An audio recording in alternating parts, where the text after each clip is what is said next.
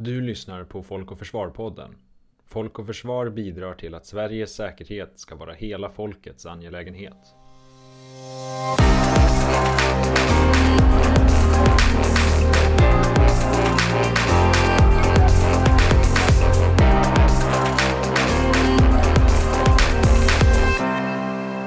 Omvärlden förändras i snabb takt, med det också svensk politik. Säkerhetsläget i Sveriges närområde är inget undantag. Detta utmynnat i totalförsvarsbeslutet som fattades av Sveriges riksdag i december 2020. Inriktningen har varit känd ett antal år. Svenskt försvar ska stärkas. Totalförsvarsbeslutet anger hur prioriteringarna ser ut. Vilka delar ska stärkas när, hur kvantiteterna ska se ut och vad Försvarsmyndigheternas tilläggsuppdrag blir. För att få svar på några frågor i hur detta arbete går tog Folk och Försvar kontakt med tre av våra försvarsmyndigheter och diskuterade försvarets utveckling med generaldirektörerna Kristina Malm, Plikt och prövningsverket, Göran Mårtensson, Försvarets materielverk och Maria Bredberg Pettersson, Fortifikationsverket. Plikt och prövningsverket har under en tid skalat upp sin verksamhet och förberett den ökning man sedan tidigare känt till ska komma. Men om vi tittar några år tillbaka är det ju faktiskt så att värnplikten återupptagits från att vara vilande ett antal år. Kan du ge oss en kort beskrivning av hur värnplikten utvecklats senaste tiden och den resa ni har gjort från att plikten återupptogs till idag? Ja, beslutet om att återaktivera värnplikten togs den 2 mars 2017. Och man ska komma ihåg att det är ju exakt samma lagstiftning eh, som då gäller som, som gällde före 2010, så där är det egentligen inga förändringar. Men det som var nytt då, det var ju att vi fortsatt skulle hantera det som kallades för frivilligheten, alltså att man skulle ha möjlighet att fortsatt kunna göra en egen ansökan till grundutbildningen med värnplikt. Och det där hade vi ju då mejslat fram i den här personalförsörjningsutredningen hur det skulle gå till.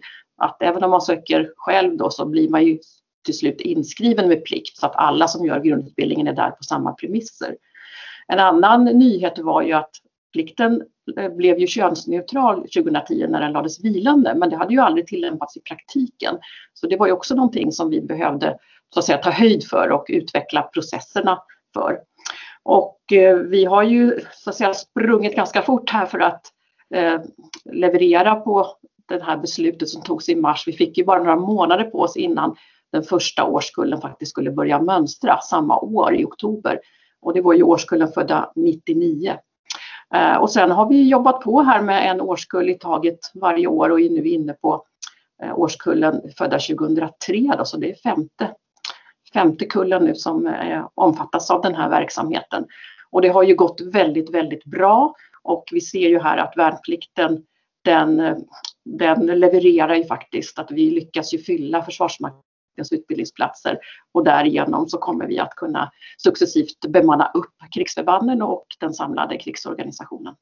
Du sa här att ni har sprungit fort och tittar man på totalförsvarsbeslutet så ser man ju att eh, den takten ska ju minst sagt kvarstå för ni ska gå ifrån dagens 5000 ungefär är det väl som pliktas idag till 8000 ungefär 2025. Hur ser arbetet ut idag med att nå upp till de här 8000 2025? Ja, eh, vi har ju successivt byggt upp vår kapacitet här ända sedan 2016-17 när vi, så, vi, vi anade vartåt det verkade som det heter. Och jag minns att när jag började på dåvarande rekryteringsmyndigheten då hade vi 89 anställda i myndigheten. Idag är vi 270 eh, och då är det ganska många av de ursprungliga som faktiskt har gått i pension. Då. Så vi har ju genomfört oerhört eh, mycket egna rekryteringar här för att bygga upp verksamheten alla de kompetenskategorier som behövs hos oss. Eh, just nu så är vi i ett läge att vi klarar av att genomföra eh, 27 000 prövningar har vi planerat nu för 2021. Och det ska jämföras med de 10 000 prövningar som gjordes ja, kanske 2013, 2014. Och eh, det här genomförs ju nu på två prövningskontor i Stockholm respektive i Malmö. Men redan nästa år så når vi ett kapacitetstak. Och för att kunna då Eh, växa ytterligare och gå mot de här 8000 utbildningsplatserna så behöver vi eh, bygga upp ett tredje prövningskontor som ska klara av åtminstone 10 000 prövningar.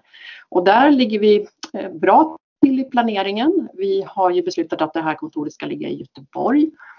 Vi har säkrat lokaler i Göteborg, närheten av Linnéplatsen för de som känner till geografin här. Och Eh, just nu så eh, är det rent konkret så att vi har lämnat in bygglovshandlingar till Göteborgs stad och vi planerar att börja iordningställa och bygga om de här lokalerna för prövningsverksamhet i vecka 32 då i år. Parallellt med detta så har vi börjat rekrytera till prövningskontoret i Göteborg. I första hand inskrivningsanläggare men också chefsroller är på gång.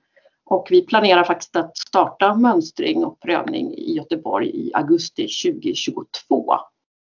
Uh, inte då riktigt fullbemannade men i alla fall så att vi kan börja kliva upp att fylla 6 000 utbildningsplatser och sen 7 och respektive 8. Så att det ser väldigt bra ut faktiskt. Om man då tittar på, eh, på det här att ni idag växer från två till tre kontor. Hur ser kompetensförsörjningen ut? Är det lätt för er idag på, på arbetsmarknaden att rekrytera de kompetenser ni behöver? Vi tycker så här långt att det ändå har gått väldigt, väldigt bra. Och det finns säkert flera förklaringar till det. Dels så tänker jag att över, överhuvudtaget så har ju försvarsfrågorna kommit på agendan på ett mycket tydligare sätt än för, för några år sedan. Att det här är en verksamhet som man, man vill vara med och bidra till. Sen har ju vi, vi har ju väldigt olika kompetenskategorier i vår myndighet. Dels har vi en stor grupp som vi kallar så kallade legitimerade, alltså läkare, sjuksköterskor och psykologer. Det är en ganska ovanlig kompetensgrupp i statlig sektor. De här jobbar ju oftast annars inom hälso och sjukvården, den ordinarie hälso och sjukvården. Eh, och det som skiljer den från, från vår verksamhet, som ju ändå faktiskt lyder under hälso och sjukvårdslagen och med alla dess bestämmelser, det är ju att hos oss får man ju arbeta med friska människor. De kommer ju inte till oss för att bli botade så att säga, eller hjälpta. Eh, och det här vet vi, eller det upplever vi att våra medarbetare som är just legitimerade, det här uppskattar man väldigt mycket. Att eh, det, är en annan, det blir en annan typ av arbete med ungdomarna. Så det har gått bra. Det som är svårrekryterat hos oss och säkert hos många andra, det är ju vissa specialiteter inom IT och inte minst eh, IT-säkerhet och säkerhetsskydd där, som är eftertraktade kompetenser inom väldigt många verksamheter idag. 2025 så ska det ut 8000 värnpliktiga då ur systemet. Vet ni redan idag hur många som kommer behöva mönstra för att nå upp till 8000 värnpliktiga? Ja, det vet vi och vi har detta i våra planer och vi räknar med att behöva mönstra cirka 28 000 ungdomar för att kunna fylla de här 8 000 utbildningsplatserna. Och det kan man jämföra då med den årskull som mönstrar nu, som är födda 2002, där vi har kallat 15 000 med plikt och vi räknar med att få cirka 3 000 ansökningar. De som söker gör en egen ansökan till grundutbildningen. Så det är en kraftfull ökning. Och det ryms då inom eh, den kapacitet som byggs upp nu med kontoret i Göteborg eller? Ja precis, det, det, kommer att rymmas. Och för det är ju så att vi utöver de här 28 000 så prövar vi ju, räknar vi med fortsatt med stora volymer för polisutbildningen. Så att totalt sett kommer vi att genomföra cirka 40 000 prövningar i myndigheten när vi är framme 2024, 2025. Jag har förstått det som att även utbildningsreserven är återupptagen för, för då, eh, beredskapen. Vilken roll spelar den här i att bemanna krigsorganisationen från er horisont? Mm. Utbildningsreserven är väldigt, väldigt viktig företeelse, inte minst för beredskapen. Och det är så att när man har mönstrat hos oss och fått godkända värden, eh, då kan man säga att man tävlar om sina mönstringsvärden med de, alla andra som har mönstrat. Och om man då inte står sig i konkurrensen, för det finns ju faktiskt ett begränsat antal utbildningsplatser, just nu är det 5000, då kommer man att bli placerad i utbildningsreserven. Och där är man då placerad i fem år eller maximalt tills man är 30 år. Och den här utbildningsreserven, det är just en reserv, för om regeringen fattar beslut om höjd beredskap, då kan man kalla in de här personerna som är placerade i utbildningsreserven eh, till utbildning utan att de behöver mönstra om igen. Och vi kan ju konstatera att utbildningsreserven har ju varit helt tom eh, fram till dess att nu plikten har återaktiverats. Och från och med andra årskullen som vi mönstrade, alltså födda 2000, så har vi kunnat börja placera folk också i utbildningsreserven. Och vi har faktiskt som målsättning att vi ska ha 5000 individer i den här. I och med att man just ligger i reserven i fem år så blir det ju en årlig omsättning där sen. Då ska vi hålla, hålla det på den nivån, eh, som sagt, som en viktig beredskapsåtgärd för Sverige då. Vad har värnpliktens återupptagande haft för effekt på bemanningen av krigsorganisationen så här långt? Ja, så här långt så är det klart att det här enbart har varit positivt. För att nu har vi ju ett, ett större inflöde i krigsförbanden än, än utflöde. Det var ju faktiskt så att innan värnplikten återaktiverades så dränerades ju faktiskt krigsorganisationen på personal. Dels därför att det var ett för lågt, det var ett lågt inflöde men att vi också hävde alla de som hade gjort värnplikten fram till 2010 i enlighet med lagstiftningen då som säger att man inte ska vara, vara placerad som värnpliktig längre än 10 år. Så att allt inflöde vi kan få här nu är otroligt positivt. Men det betyder ju inte att vi är färdiga på något sätt. Att det finns ju fortsatt vakanser i krigsorganisationen. Så det här är ju bara början på en utveckling där vi äntligen kan återbemanna upp hela Försvarsmaktens krigsorganisation. Och det är helt nödvändigt med den här uppväxlingen när det gäller antalet utbildningsplatser som faktiskt började på 4 000 utbildningsplatser och som ska gå upp mot 8 000.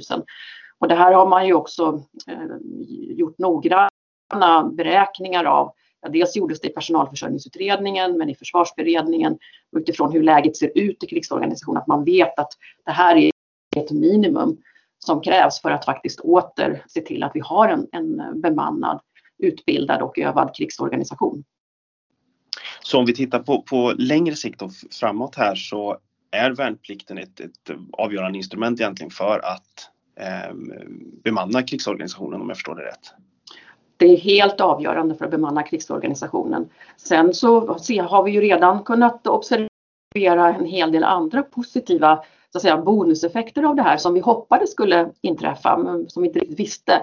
Och dels så har vi förstått från Försvarsmakten att, att det, är ganska må det är många av dem som genomför grundutbildningen med värnplikt som sen väljer att faktiskt ta en anställning som soldat eller sjöman. Och vi har ju också sett eh, genom Försvarshögskolans rapportering och det samarbete vi har med dem att vi det är ju rekordhöga nivåer av ansökningar till officersprogrammet så att man fyller ju nu och, äh, återigen faktiskt platserna på officersprogrammet. Och det är ju väldigt, väldigt viktigt äh, med tanke på att äh, personalförsörjningen handlar inte enbart om soldater och sjömän utan det måste också fyllas på med officerare. Försvarsmakten har ju en uttalad vilja om att öka andelen kvinnor som gör värnplikt. Hur arbetar ni för att lyckas med det här? Ja, det stämmer. Men eh, då ska jag vara lite eh, petig här och, och, och, nämna att det är faktiskt så att Plikt och prövningsverket har inga målsättningar när det gäller andelen kvinnor eller andel män heller för den delen, utan vår uppgift är ju att att ta ut de värnpliktiga utifrån vad som står i lagen om totalförsvarsplikt.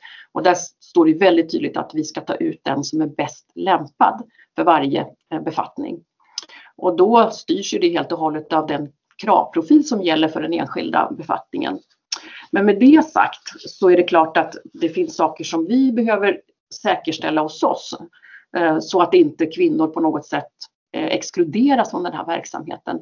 Till exempel så är det viktigt att vi säkerställer att våra metoder och processer inte diskriminerar något kön.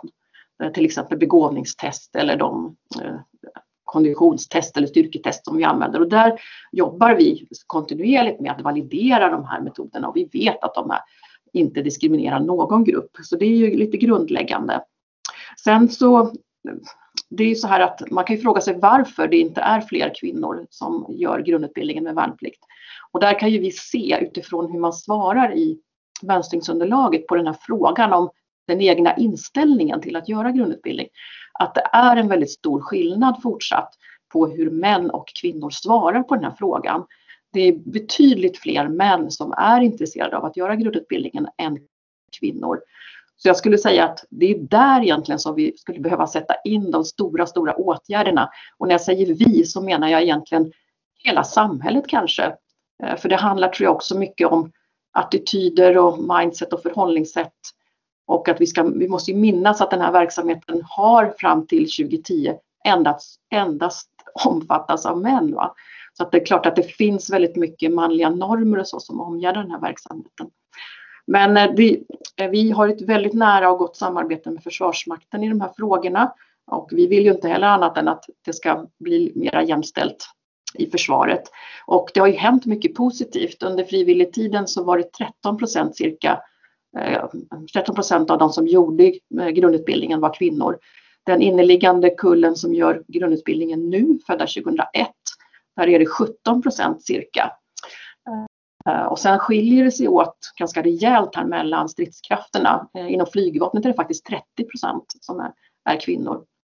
Armén är det drygt 10 och det är klart att merparten av de här 5000 utbildningsplatserna är armébefattningar och där finns det ju då väldigt få befattningar med, med muskelkravet 2 då, som är den lägsta godkännande, lägsta kravet för att bli godkänd. Eh, men eh, det ser ljust ut och vi hoppas att den här siffran 17 procent ska öka något ytterligare efter den här mönstringsomgången. Vad skulle du säga då att värnplikten har för betydelse för folkförankringen av svenskt försvar? Jag tror att det har en väldigt stor betydelse för, för folkförankringen faktiskt. För det är ju faktiskt så att vi genom att det här instrumentet nu är återaktiverat så riktar ju vi oss åt, vi vänder oss till varje årskull eh, 18-åringar varje år och det är cirka 100 000 ungdomar. Och de här har ju allmänhet föräldrar och anhöriga som också intresserar sig då för vad ungdomarna gör. Och varje år så skickar vi ut de här breven med mönstringsunderlagen där vi ju är uppmärksamma på att vi har ett totalförsvar och vi har ett system här i Sverige för att försörja krigsförbanden som, som kallas för värnplikt och vad det innebär för någonting. Eh, vi kan ju notera här att nu senaste omgången, våra ungdomar födda 2003 som nyligen har svarat på mönstringsunderlaget, vi har 97 procents svarsfrekvens på det här. Och förvisso är det ju obligatoriskt och det är vi väldigt tydliga med. Men jag tänker att det här visar att det finns ett väldigt stort och ett högt förtroende för hela värnpliktssystemet. Så att det här, jag tror att det här är det grundläggande, för det, det här är inte allt, men det, det är en väldigt, väldigt viktig pusselbit för folkförankringen att vi faktiskt har värnpliktssystemet och att alla ungdomarna på något sätt ändå blir uppmärksammade. Även om inte alla gör grundutbildningen och alla inte mönstrar så får man en möjlighet att sitta ner och fundera på vad är det här för någonting och varför är det viktigt? Och eh, det här förtroendet för systemet det måste ju bibehållas också. Det är ett stort ansvar, inte minst för oss, att hantera det här på ett bra sätt. Eh, men också att Försvarsmakten som de gör då erbjuder en väldigt bra utbildning för, för våra ungdomar och ett sammanhang eh, där de kanske till och med kan välja att fortsätta att, att vara kvar. Då. Eh, och det är ju viktigt att när vi nu ska bygga upp vårt totalförsvar i stort här att så många fler i samhället blir informerade och blir engagerade och kanske även om de inte mönstrar kanske väljer att engagera sig i en frivillig försvarsorganisation jag funderar på om det finns några trösklar som ni gör som, som gör det svårt att nå upp till de här eh, målen som politiken har ställt. Finns det någonting liksom som ni ser att det här måste vi verkligen komma över eller här måste det till ett stort regeringsbeslut eller någonting annat för att ni ska lyckas nå upp till det? För vår del så skulle jag säga att jag just, just här och nu så finns inte de trösklarna. Jag tänker att vi har faktiskt undanröjt dem tidigare genom att vara väldigt tydliga i vår dialog med både politiken och med regeringskansliet att, att det är otroligt viktigt om man ska göra sådana här stora uppväxlingar av en verksamhet. Jag tänker att den kan beröra, det behöver inte bara vara en pliktverksamhet, det kan vara annan verksamhet också. Då krävs det beslut i tid, det krävs framförhållning eh, och det krävs att man är långsiktig i sitt tänkande. Eh, och det faktum att vi nu, redan nu håller på och etablerar det här tredje prövningskontoret i Göteborg det sker faktiskt just på grund av att vi har lyckats att få, att få acceptans just för att vi måste få de här besluten i tid. Och det måste vara en framförhållning för att vi är först i kedjan här. Om inte prövningsverksamheten är uppbyggd, då går det inte att få in några till utbildning i Försvarsmakten. Så att vi fick ju faktiskt redan i budgetpropositionen i höstas medlen tilldelade för det tredje prövningskontoret. Eh, så att det är som sagt det är beslut i tid, långsiktighet och att man undviker de här ryckighet och snabba omsvängningar. Det tar tid att bygga upp försvarsförmåga. Det går fort att rasera det. Det har vi ju erfarenhet av här. Som sagt, så att det tar tid att bygga försvarsförmåga och det handlar ytterst om att vi ska bibehålla vår demokrati och våra fantastiska friheter som vi har i vårt land.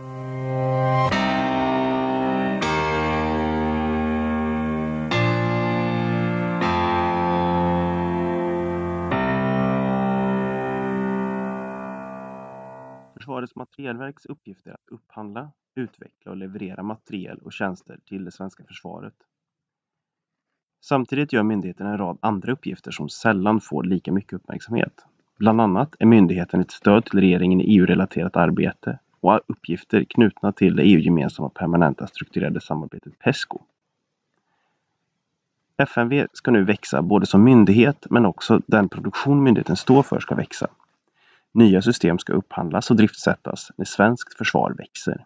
Säkerhetsläget eh, har ju under en tid förändrats och redan försvarsbeslutet 2015 signalerade ju en tydlig ambition att svenskt försvar skulle stärkas och nu i det senaste försvarsbeslutet här från i slutet på förra året så har ju det här blivit ännu tydligare. Eh, och tittar man på vad, vad Försvars har att göra så, så har ni en ganska diger lista idag. Jag tittade igenom hela listan på, på projekt som ni har på er hemsida som ni jobbar med. Och för, för mig som är utomstående så ser det nästan svindlande ut. Det ser ut att vara otroligt mycket eh, som ni jobbar med. Stämmer den bilden? Märker ni av att ni har mer att göra idag än för några år sedan? Eller är det bara en bild man får som utomstående? Nej, det är helt rätt som du säger. Eh, detta är ju en historisk satsning eh, inom det svenska försvarsområdet. Eh, och vi har ju inte sett en sådan sedan efter andra världskriget eh, i Sverige.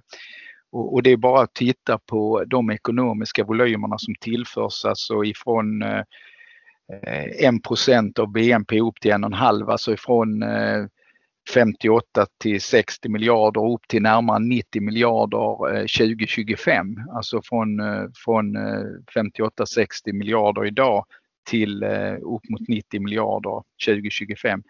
Eh, det är ju en väldigt kraftig ökning eh, och det, det känner vi av.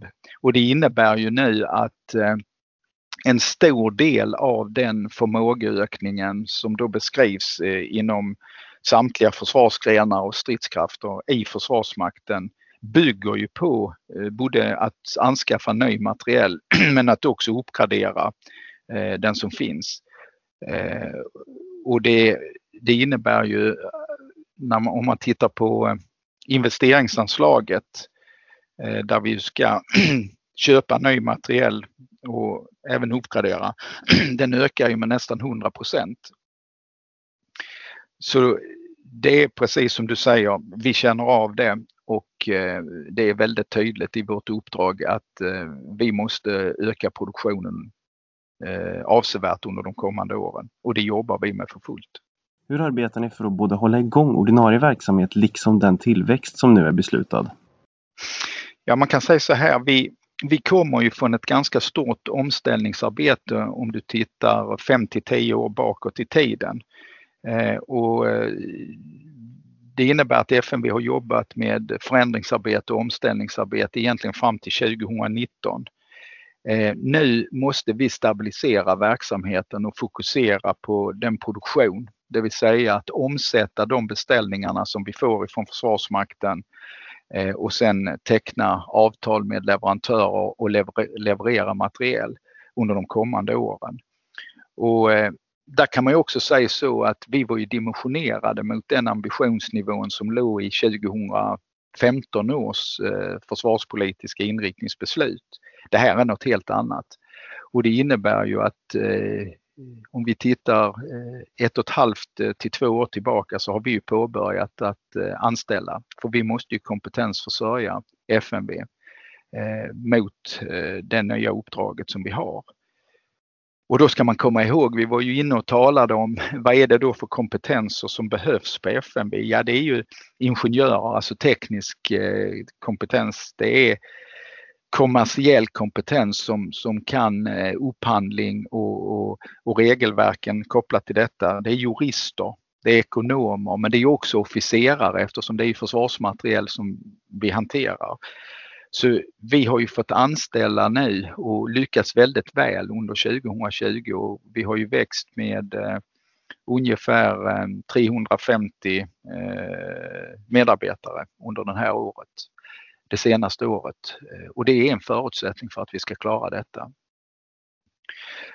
Det är en del. Det andra är ju att vi måste utveckla våra medarbetare eh, och behålla våra medarbetare för att klara uppdraget. Och det ställer också krav på oss som arbetsgivare, så det jobbar vi också med. Eh, så att det är ett utvecklingsarbete som pågår för att klara de ökade volymerna.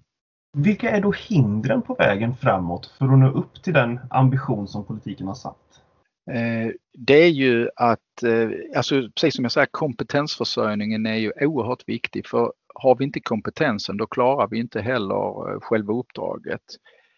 Sen är det tämligen komplicerade regelverk som man måste ta hänsyn till när man genomför upphandlingar.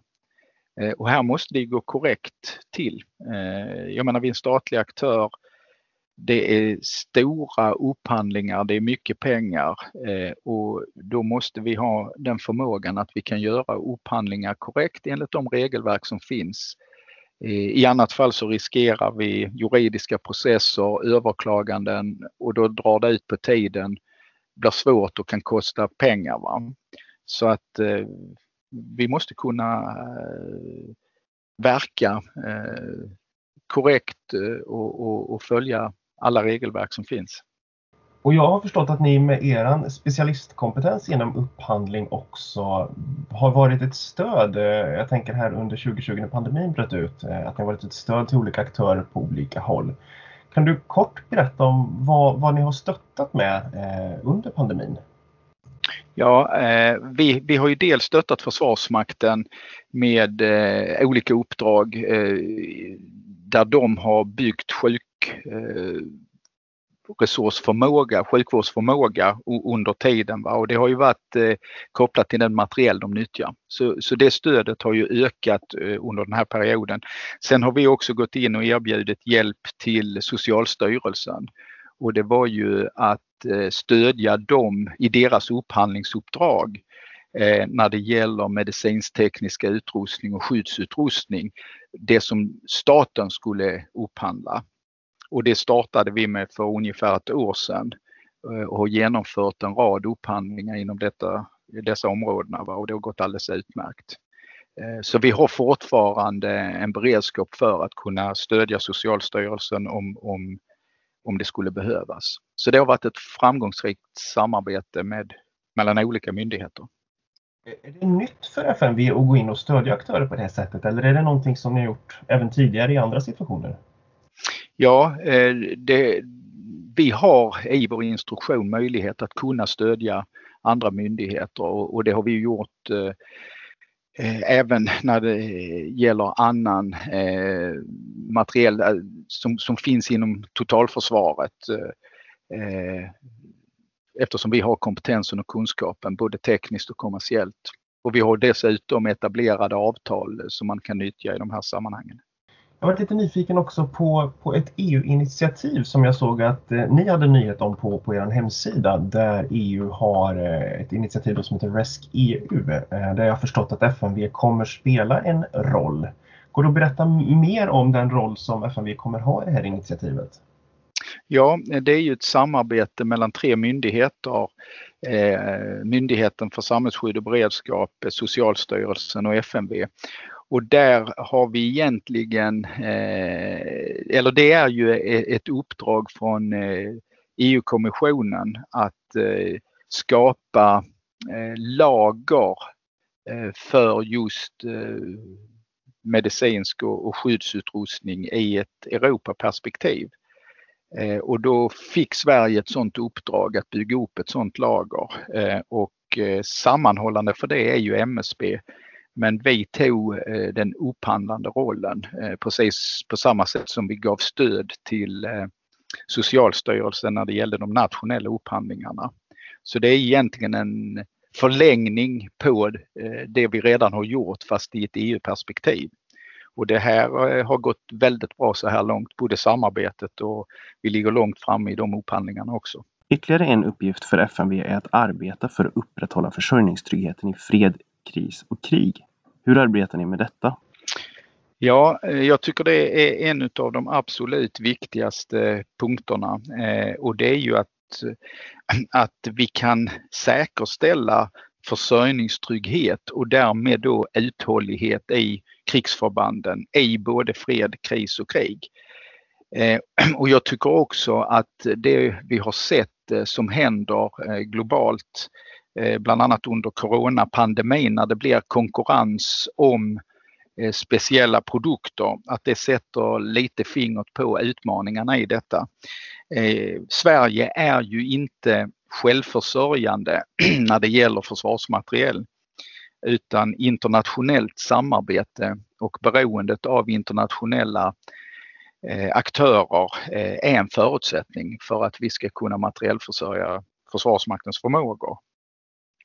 Och det är klart, när vi då har eh, uppgiften och rollen att göra upphandlingar och att vara en del i eh, det internationella samarbetet, att samarbeta med andra nationer och aktörer, eh, då får vi ju en roll i att skapa de här förutsättningarna så att det inte bara fungerar i, i, i fredstid utan att vi även kan möta en, en, en utveckling mot eh, kris och, och i värsta fall krig. Eh, så det handlar i allt ifrån hur vi formulerar våra avtal. Det handlar om eh, hur vi väljer leverantörer. Det handlar om hur vi väljer att samarbeta med andra nationer, det vill säga man kan bygga försörjningstrygghet på olika sätt. Och det är ju också så att regeringen har ju tillsatt en utredning eh, som ska jobba med en eh, ny materielförsörjningsstrategi som ska redovisas eh, om ett år, alltså våren 2022. Där är ju också försörjningstryggheten uppe som en del i det arbetet som också blir intressant att ta del av. Så det pågår arbeten när det gäller försörjningstryggheten och jag tror att vi kan göra ganska mycket för att stärka den under de kommande åren de frågor som utredningen ska, ska titta på förstår jag, de är ändå liksom av, av, av stor vikt. Men kan de innebära någon, någon förändring på sikt när det kommer till hur ni arbetar? Ja, om vi tittar på den förra materielförsörjningsstrategin den utarbetades ju då 2007-2008 eh, och då hade vi ett annat läge. Eh, det vi ser nu, inte minst i försvarsberedningens rapport och och även i, i de riksdagsbeslut som är fattat kopplat till den försvarspolitiska inriktningen så bedöm, bedömer vi ju eh, säkerhetsläget helt annorlunda eh, runt Europa och globalt eh, idag än vad vi gjorde på den tiden. Eh, det är också så att eh, det är väldigt tydligt utpekat att nu är det det nationella försvaret som står i fokus. Och då växer också betydelsen av vissa faktorer. Du var inne på försörjningstryggheten, det är ju en av dem. Eh, men det kan ju också vara sånt som eh, väsentliga nationella säkerhetsintresse där vi alltså säkerställer förmågor inom landet. Eh, och I det fallet som vi har utpekat ifrån från riksdag och regering, det är ju undervattensområdet, det är stridsflygområdet, och så är det vissa delar inom ledningssystem och sensorer. Eh, och det här är ju också någonting som vi då måste värna och, och se till att vi kan behålla förmågan över en längre tid eftersom det är utpekat som särskilt viktigt eh, för vår säkerhet. Så där kommer ju att beröras eh, flera olika områden i detta och jag tycker det är bra för att säkerhetsläget är annorlunda idag. Hur ser kedjan ut från att ni tillsammans med Försvarsmakten identifierat ett behov till ett driftsatt system? Här tänker jag främst på de större projekten som nya ytstridsfartyg eller som nästa generations stridsflyg Tempest där Sverige och Storbritannien har ett samarbetsavtal. För jag har förstått det som så att FMV axlar hela processen från kravställning och utveckling till att utvärdera levererad materiel. Mm. Och det är precis som du säger, det är ju väldigt långa ledtider på den typen av stora eh, projekt. Om du, om du tänker dig Gripen Erik som ju ska levereras här under eh, 2020-talet eh, så beställdes det 2013 av, eh, från FMV till industrin. Eh, så att, eh, och det innebär ju att Försvarsmakten uttrycker sina taktiska eh, krav eh, till FMV som sen omsätts i FMV till tekniska krav och kommersiella avtal mot industrin. Är det sen en utvecklingsprocess då följer ju eh, FMV eh, i dialog med leverantören hela den utvecklingsprocessen och följer upp och rapporterar tillbaka till Försvarsmakten och till regeringen Eh, hur, eh, vilken progress det är. För många av de här, om vi tittar på stridsflygplan, ubåtar, ytstridsfartyg, eh, ledningssystem, stridsfordon, det är väldigt komplexa system. Så det kräver ju en kompetens också att kunna följa upp och, och analysera och bedöma hur det, hur det här utvecklingsarbetet går. Men det är ju FMVs uppgift att, att kunna hantera det. Så att långa ledtider, teknik i många uppdrag som ligger på den absoluta framkanten, alltså högteknologiskt. Eh, och det är ju så att tittar vi på Sverige, även om vi inte är ett stort land, så har vi en oerhört eh, kompetent industri som ligger på teknikens framkant, alltså både när det gäller stridsflygplan, när det gäller ubåtar, fartyg och när det gäller stridsfordon, artilleri med mera. Va? Så att vi har ju också en, en, en kompetensbas inom landet som vi lutar oss på i detta. Men vad, vad är FMs roll inom forskning och utveckling eh, och om man då ser det relativt till FOI, högskolor, universitet och industrin? Ja, eh, för det första så kan man ju glädjas åt att i den satsning som nu sker i det försvarspolitiska inriktningsbeslutet så sker det också satsning på forskning och utveckling.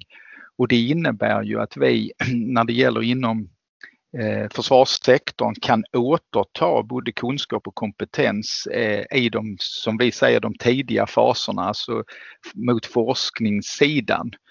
Eh, och det, det påverkar ju både Försvarsmakten, FMV och FOI väldigt positivt. Och sen så vidgas det här samarbetet eh, ut i, eh, där även akademia finns med naturligtvis och då blir det ju mer kopplat till nationens resurser som, som eh, engageras i detta. Eh, det som är, är, det nya, eller det vi, det vi ser en tydlig trend, det är ju att eh, den civila teknologiutvecklingen går ju väldigt fort. Och där, där måste vi ju också inom försvarssektorn ha en förmåga att förstå den teknikutveckling och teknologiutvecklingen och kunna omsätta det där den går att nyttja i militära förmågor. Och det här ser vi, det kravet ökar ju på oss eh, och det ökar ju också på oss eh, som myndighet eh, men också tillsammans med de andra. Eh, så vi ser ju att tekniken ger oss väldigt många nya möjligheter som vi måste vara receptiva och kunna ta, ta till oss och sen nyttja eh, för de uppdragen som vi har. Och där har vi också ett bra samarbete kring detta. Men det är glädjande att det sker satsningar eh, på forskning och utveckling inom området. Det så vitt jag har förstått det så är det ganska många steg ifrån eh, grundforskning då via demonstratorer och prototyper till en faktisk slutprodukt som, som kan användas. I vilka delar är FMV med i den här processen och hur ser processen ut? Ja, alltså vi, vi har ju kompetens eh, på FMV. Sen lägger vi också uppdrag eh, till FOI som, som gör mycket av, av själva arbetet. Eh, men vi måste ju vara med som en del i detta eftersom vi ansvarar ju för eh, eh, anskaffningen och upphandlingen utav den fram, alltså vara en del av det, det som ska anskaffas längre fram. Det som är intressant där är det ju att du tar exemplet med just att kunna utveckla demonstratorer för att kunna pröva sig i teknikens framkant men att börja realisera hur, hur, hur den moderna tekniken kan nyttjas i, i militära sammanhang. Eh, och där ser vi ju nu eh, att vi kommer att få ekonomiskt stöd för att kunna starta just demonstratorprogram och, och på ett bättre sätt eh, omsätta teknikutvecklingen till militära produkter. Så det är ett stort framsteg och, och där gör vi ju ett arbete just nu för att identifiera inom vilka områden vi bör satsa på demonstratorer. Det är, det är ju också en viktig uppgift för FMV att, att bidra i det arbetet.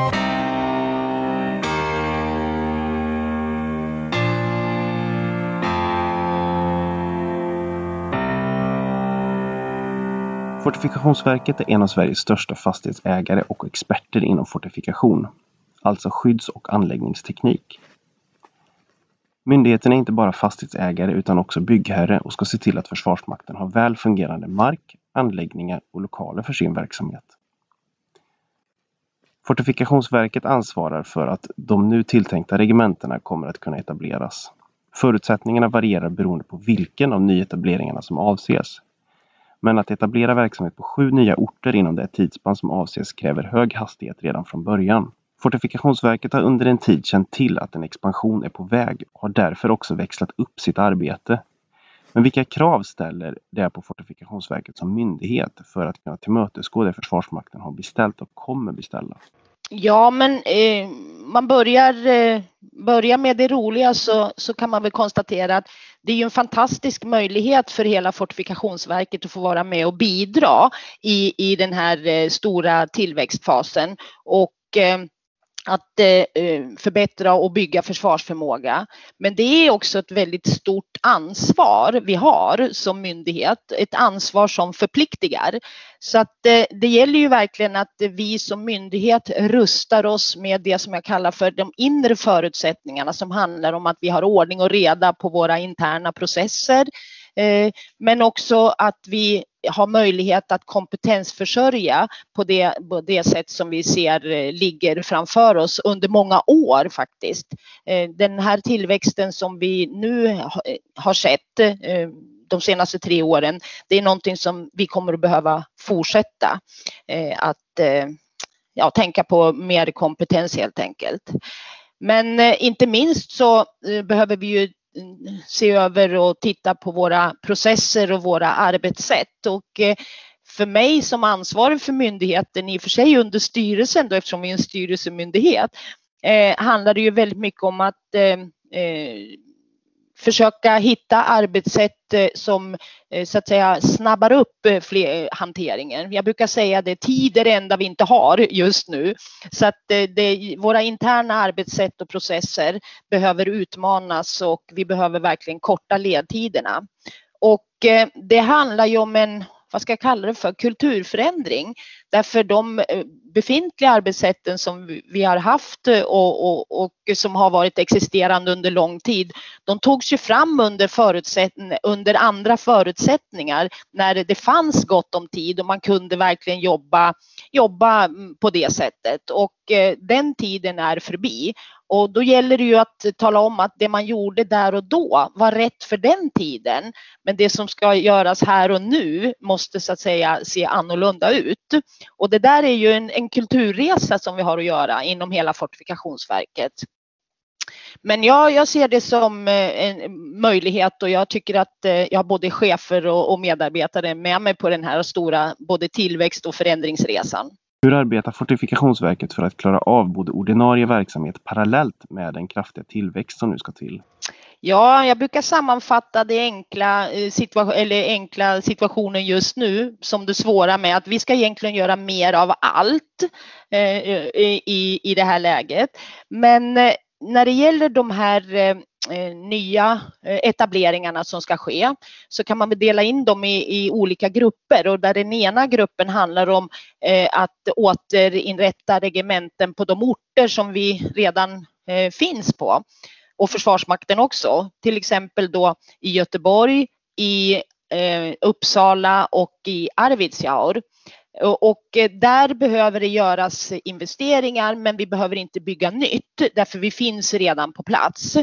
Så det är en utmaning i och för sig men, men inte lika stor som om vi går till de andra orterna eh, som handlar då om Falun, eh, Sollefteå, Östersund och Kristinehamn. Det är ju orter som både vi och Försvarsmakten har lämnat sen tidigare och eh, på grund av tidigare försvarsbeslut. Och eh, där är ju en återetablering inte lika enkel och inte lika självskriven i vilka val man ska göra.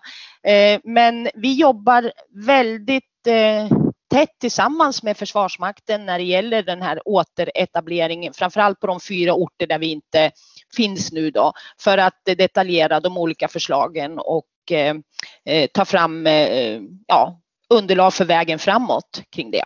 Jag har förstått att det pågår mycket arbete nu bakom kulisserna i etableringsarbetet. Var i etableringsfasen av de nya regementena är ni? Ja, men det gör det ju. Det pågår ju ett febrilt eh, arbete och det kallas för etableringsplanering som ska finaliseras nu inom, inom kort ska jag säga. Jag vill inte säga något exakt datum, det får du inte av mig, men men eh, och i den här eh, etableringsplaneringen så är ju vi djupt involverad och eh, jobbar väldigt tätt tillsammans med Försvarsmakten på alla nivåer skulle jag vilja säga. För Försvarsmakten är ju en stor organisation så det finns ju många, många olika nivåer.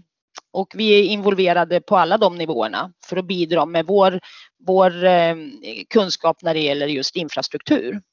Så att man kan säga att vi är ju då partner både lokalt, regionalt och centralt tillsammans med Försvarsmakten. Hur arbetar ni då för att till, säkerställa att den tillväxt vi befinner oss i idag och de, de etableringar som sker också är framtidssäkrade så att vi vet att ja, men de här kommer också funka om 10, 20, 30 år? Mm. Nej men eh, givet att eh, vi ser en sån eh, tillväxt både i det nuvarande innevarande försvarsbeslutet men också inför kommande försvarsbeslut 2530 och, och även åren därefter så, så är ju vår utgångspunkt att bygga långsiktigt och också bygga för att kunna skala upp i omfattning givet en ytterligare, ytterligare tillväxt i, i numerär med annat. Och eh, vi jobbar ju då med standardiseringar i väldigt hög omfattning och eh, vi, vi har en, en modell eller en, ett koncept som vi kallar för ett typregemente utifrån nu angiven omfattning i försvarsbeslutet, men också att vi ska kunna skala upp för att så att säga möta ökade behov. Och eh, sen så tittar vi då på vad det finns för alternativ och möjliga platser för att de här eh, regementena ska, eh, vart de ska så att säga vara, vilket innebär att vi förhandlar om mark och, och annat och utökning av eh, vårt ägande. Men det går ju inte att komma ifrån att eftersom det ligger så pass snabbt i tiden i vissa av de här etableringarna att vi kommer att behöva utnyttja tillfälliga tidsbegränsade införhyrningar för att så att säga lösa den initiala fråga. Men, men vi utgår ju från den planering som finns i regeringens styrning och våra budgetunderlag om byggstarter vid olika tidpunkter på de här olika platserna. Och eh, lita på mig, på mig att det finns många som har intressen och åsikter om detta.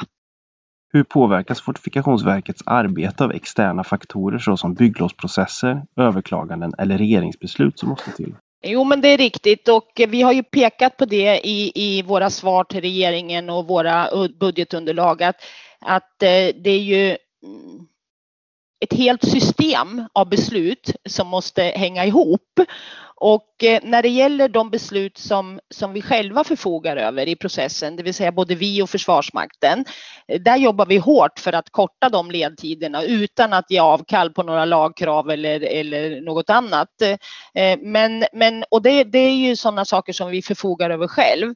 Men sen är det ju detaljplaner från kommuner, det kan vara miljö och, och, och hållbarhetsfrågor från länsstyrelser och det kan också vara, sist men inte minst, beslut ifrån regeringen eh, eftersom vår, eh, vår eh, gräns för vilka investeringar vi får göra eh, ligger på 40 miljoner och det förstår jag att 40 miljoner är en ganska låg summa i de här sammanhangen eftersom det är väldigt mycket och omfattande infrastruktur.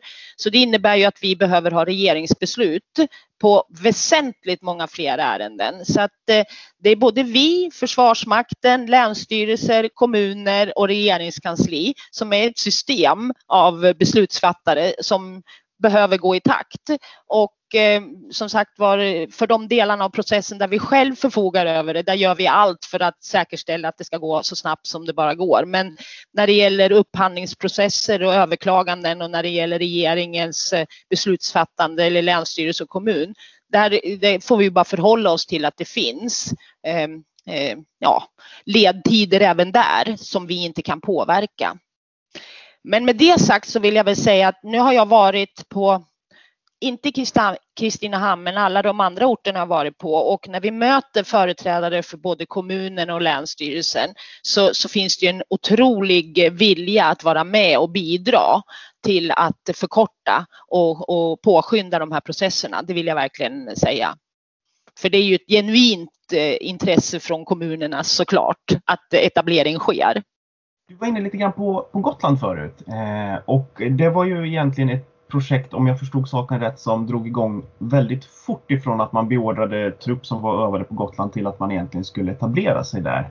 Eh, och det började väl, om jag förstod saken rätt, med någon form av temporär lösning och se tills det nu liksom permanenta här eh, har börjat jobba. V var i den etableringsfasen befinner ni er nu?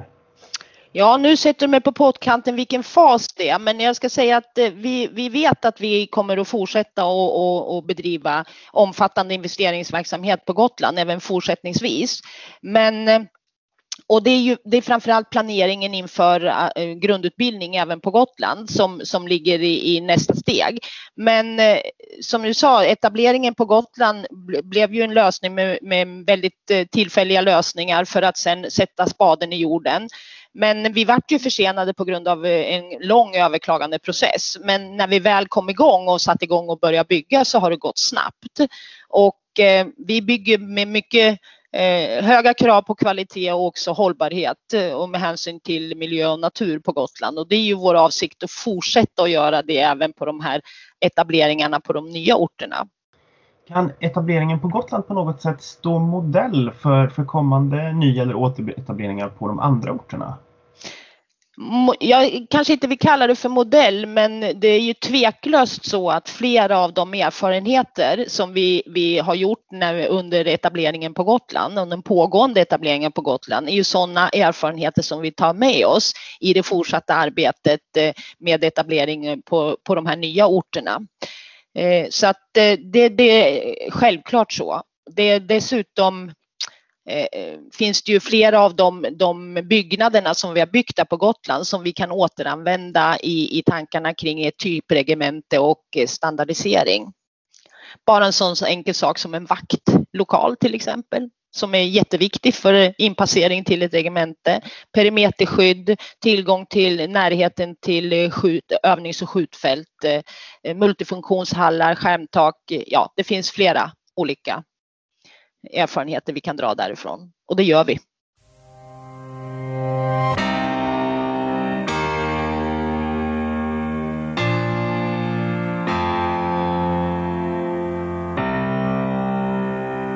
Du har lyssnat på Folk och Försvar-podden. Podden är skapad av David Brun. För att ta del av mer av vår verksamhet, besök vår hemsida www.folkochforsvar.se